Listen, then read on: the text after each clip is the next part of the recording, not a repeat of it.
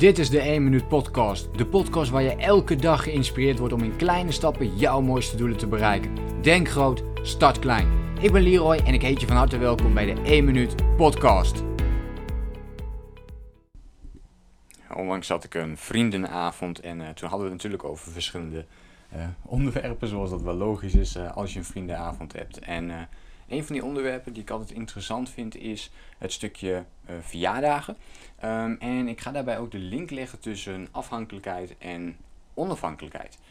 Um, en wat ik interessant vind is dat, ook als ik mijn vrienden spreek, dat uh, iedereen zegt van ja, ik moet weer mee naar een, uh, naar een verjaardag. En het was zo geinig dat op een gegeven moment zei ik dat ook. Ik zei van ja, eigenlijk wel opvallend hè. Dus we gaan vaak naar een verjaardag, maar hoe vaak hebben we er nu echt zin in? Nou, eigenlijk al iedereen in de groep, die zei wel van ja, meestal zit iedereen maar bij elkaar en gaat het over enerzijds oppervlakkige dingen waar op zich niks mis mee is. Maar vooral het idee dat dus een heleboel mensen naar een verjaardag toe gaan terwijl ze er eigenlijk niet heel erg veel zin in hebben. Het is niet zo dat je zegt van yes, ik heb vandaag een verjaardag, het wordt hartstikke gezellig, uh, het wordt weer heel erg leuk. Uh, dit kan natuurlijk wel en dan is het helemaal goed. Maar wat mij opvalt is dat dit dus heel vaak ook niet het geval is.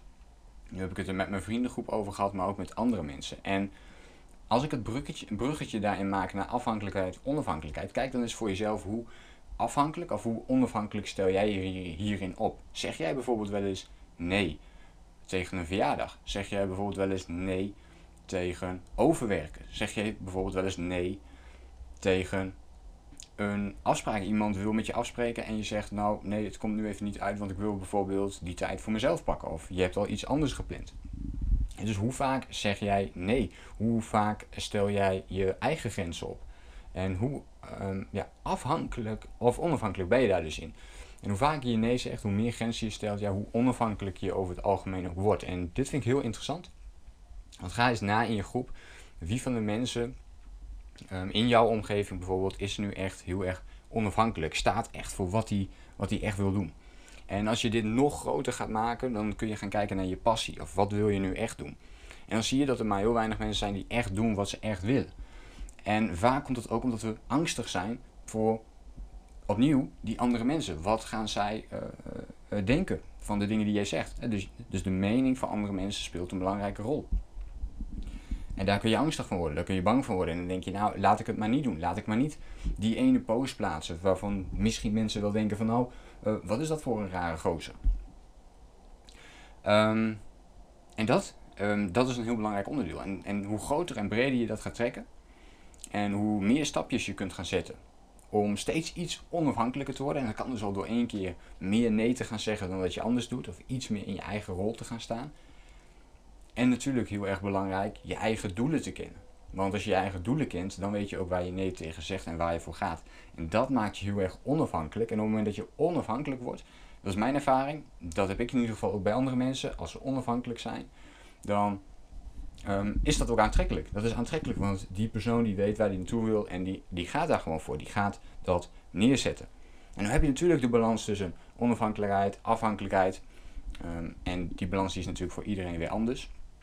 Maar door echt te gaan doen wat jij echt gaat doen. En ik geloof er oprecht in dat als je de twee mensen tegenover elkaar hebt, die allebei heel onafhankelijk zijn, dat dat juist extreem goed werkt.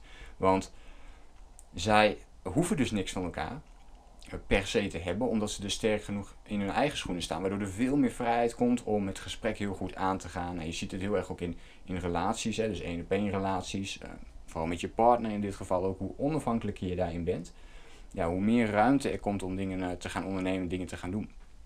Ja, als je een partner hebt die bijvoorbeeld ook wel eens leuk vindt om alleen een week ergens heen te gaan, of die wil bijvoorbeeld een lange reis maken, hoe gaaf is het dan dat die andere persoon zegt van dat moet je doen. Want ik weet dat je daar sterker van wordt, ik weet dat je er weer beter van wordt.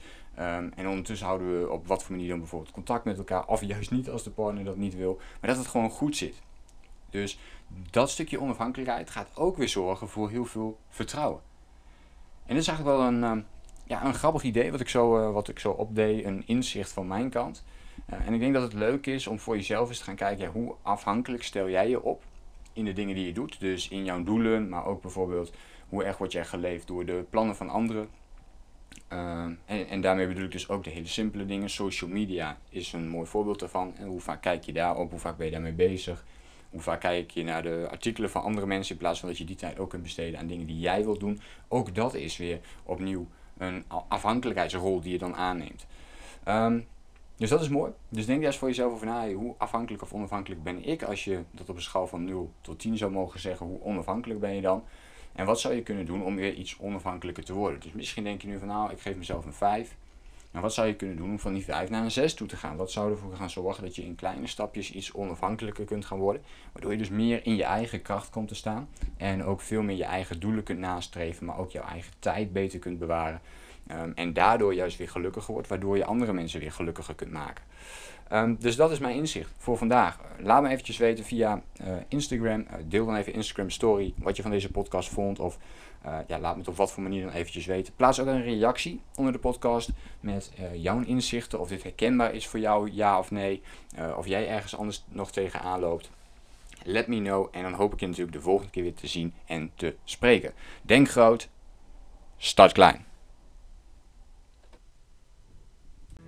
Bedankt voor het luisteren. Geloof jij net als ik dat je in kleine stappen jouw mooiste doelen kunt bereiken? Abonneer je dan op mijn podcast voor meer dagelijkse tips en inspiratie.